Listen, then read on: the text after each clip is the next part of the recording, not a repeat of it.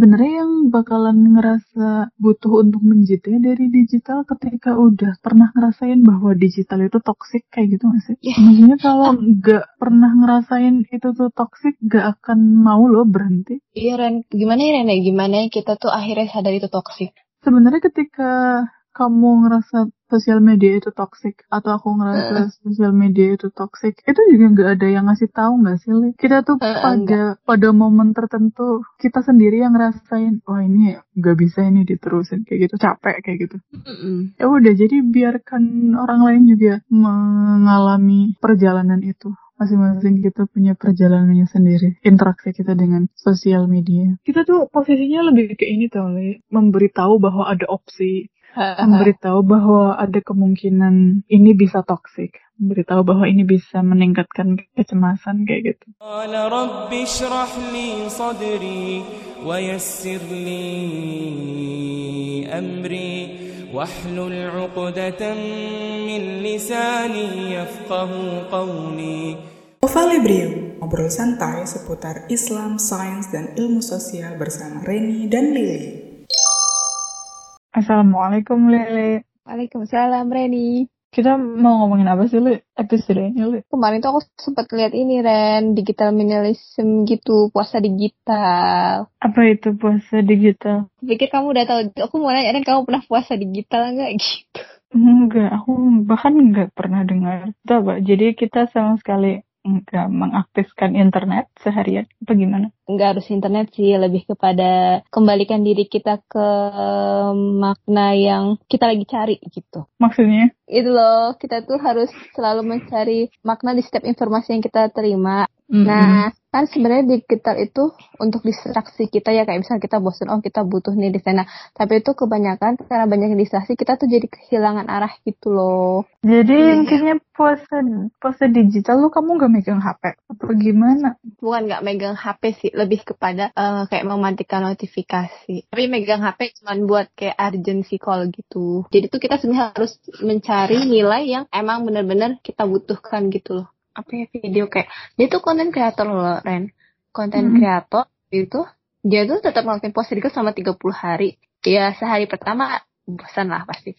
Tapi selanjutnya tuh dia akhir tahu nih apa sih harus dia lakuin kayak, kayak ya dia kalau kangen sama temennya langsung hubungi dan sebagainya dia menikmatin semua media sosialnya. Terus Mhm. dia lakuin perjalanan ke alam, menikmati alam kayak gitu-gitu. Kan sekarang banyak yang kita kalau misalnya kita nikmatin alam tuh ya udah yang pertama kali itu dilakukan adalah posting dan lain sebagainya. Jadi sisi menikmatinya tuh kayak berkurang gak sih Ren? Kita tuh udah Iya. me- mengalami kenyemasan lain gitu loh di situ. Padahal tuh konten kreator dia merasa 30 hari itu dia harus menjadi dirinya dari sosial media. Terus ya udah akhirnya dia bisa men- akhirnya dia saat kembali akhirnya dia ya itu lebih tahu apa yang pengen dia lakukan terhadap videonya pas tahu puasa media sosial tuh dia merasa ya waktunya tuh lebih produktif banyak gitu tapi ya Li Hmm. sebenarnya yang bakalan ngerasa butuh untuk menjeda dari digital ketika udah pernah ngerasain bahwa digital itu toxic kayak gitu gak sih? Iya. Maksudnya kalau nggak pernah ngerasain itu tuh toxic gak akan mau loh berhenti. Oh ini asik-asik aja kok seru-seru aja kayak gitu gak sih? iya Ren. Gimana ya Ren? Gimana ya kita tuh akhirnya sadar itu toksik Sebenarnya ketika kamu ngerasa sosial media itu toxic atau aku ngerasa sosial media itu toxic itu juga nggak ada yang ngasih tahu nggak sih Li? kita tuh Eh, pada pada momen tertentu kita sendiri yang ngerasain wah ini nggak bisa ini diterusin kayak gitu capek kayak gitu. Mm-mm. ya udah jadi biarkan orang lain juga mengalami perjalanan itu masing-masing kita punya perjalanannya sendiri interaksi kita dengan sosial media. Kita tuh posisinya lebih ke ini tau Li memberi memberitahu bahwa ada opsi. Memberitahu bahwa ada kemungkinan kayak gitu. Memberitahu bahwa ini bisa toksik memberitahu bahwa ini bisa meningkatkan kecemasan kayak gitu. Memberitahu iya kita ngasih tahu bahwa ada kok opsi buat menjeda diri dari dunia digital kayak gitu Iya, katanya dengan kita menjeda diri itu kita jadi sebenarnya lebih fokus juga kayak gitu. Fokus melakukan kerjaan, jadi itu lebih detail.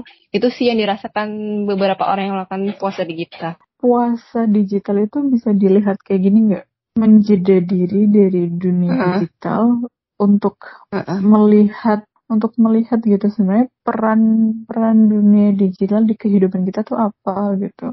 Karena ketika kita sudah mengetahui perannya, kita tuh jadi akan punya interaksi yang sehat gitu loh dengan dunia digital, ya nggak sih? Kita akan memakai sosial media secara sehat, gitu. Kita akan punya interaksi yang sehat dengan sosial media kalau kita tahu perannya mereka tuh apa di kehidupan di kehidupan kita. Iya.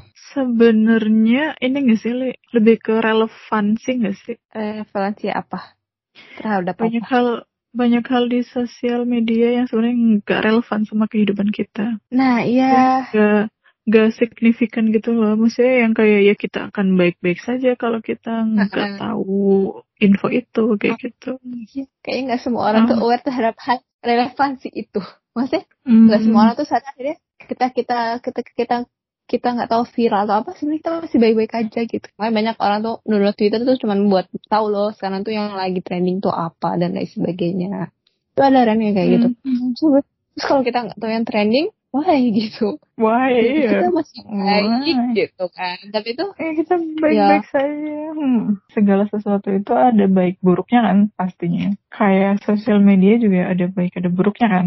Nah kalau misalnya kita mau dapetin kebaikannya sosial media, kita harus bisa mengidentifikasi keburukannya gitu loh. Ya nggak sih? Mm-mm. Menggunakan sosial medianya, ini butuh kesadaran sih nanti. Iya. Butuh Because kesadaran. Ya udah. Intinya puasa digital gimana sih, Li? intinya puasa digital apa ya karena digital itu banyaknya interaksi kita dengan orang jadi tuh kayak kita tuh akhirnya menjeda diri kita menjeda diri kita untuk mengobserv- mengobservasi diri kita lebih jauh lagi tentang diri kita itu eh, maunya apa sukanya apa gitu. Gitu sih menjeda diri untuk back to ourselves gitu. Kalau menurut kamu eh, Iya, jadinya aku mau mengaitkan dengan puasa yang sesungguhnya nih. Jadi kan kalau kita puasa ya kita menahan diri gitu. Jadi kalau puasa digital ya kita menahan diri kayak gitu. Dan kalau misalnya puasa ada buka, nanti ada kok masanya ketika kita menjeda, menahan diri dari menggunakan sosial media gitu untuk beberapa waktu, beberapa jam atau beberapa hari. Sampai akhirnya nanti kita bersentuhan lagi sama sosial media, kita jadi tahu eh, makna yang sesungguhnya dari sosial media itu gitu. Kayak misalnya kita puasa, kemudian nanti pas kita buka, kita tuh somehow jadi lebih memahami gak sih arti makanan itu gimana.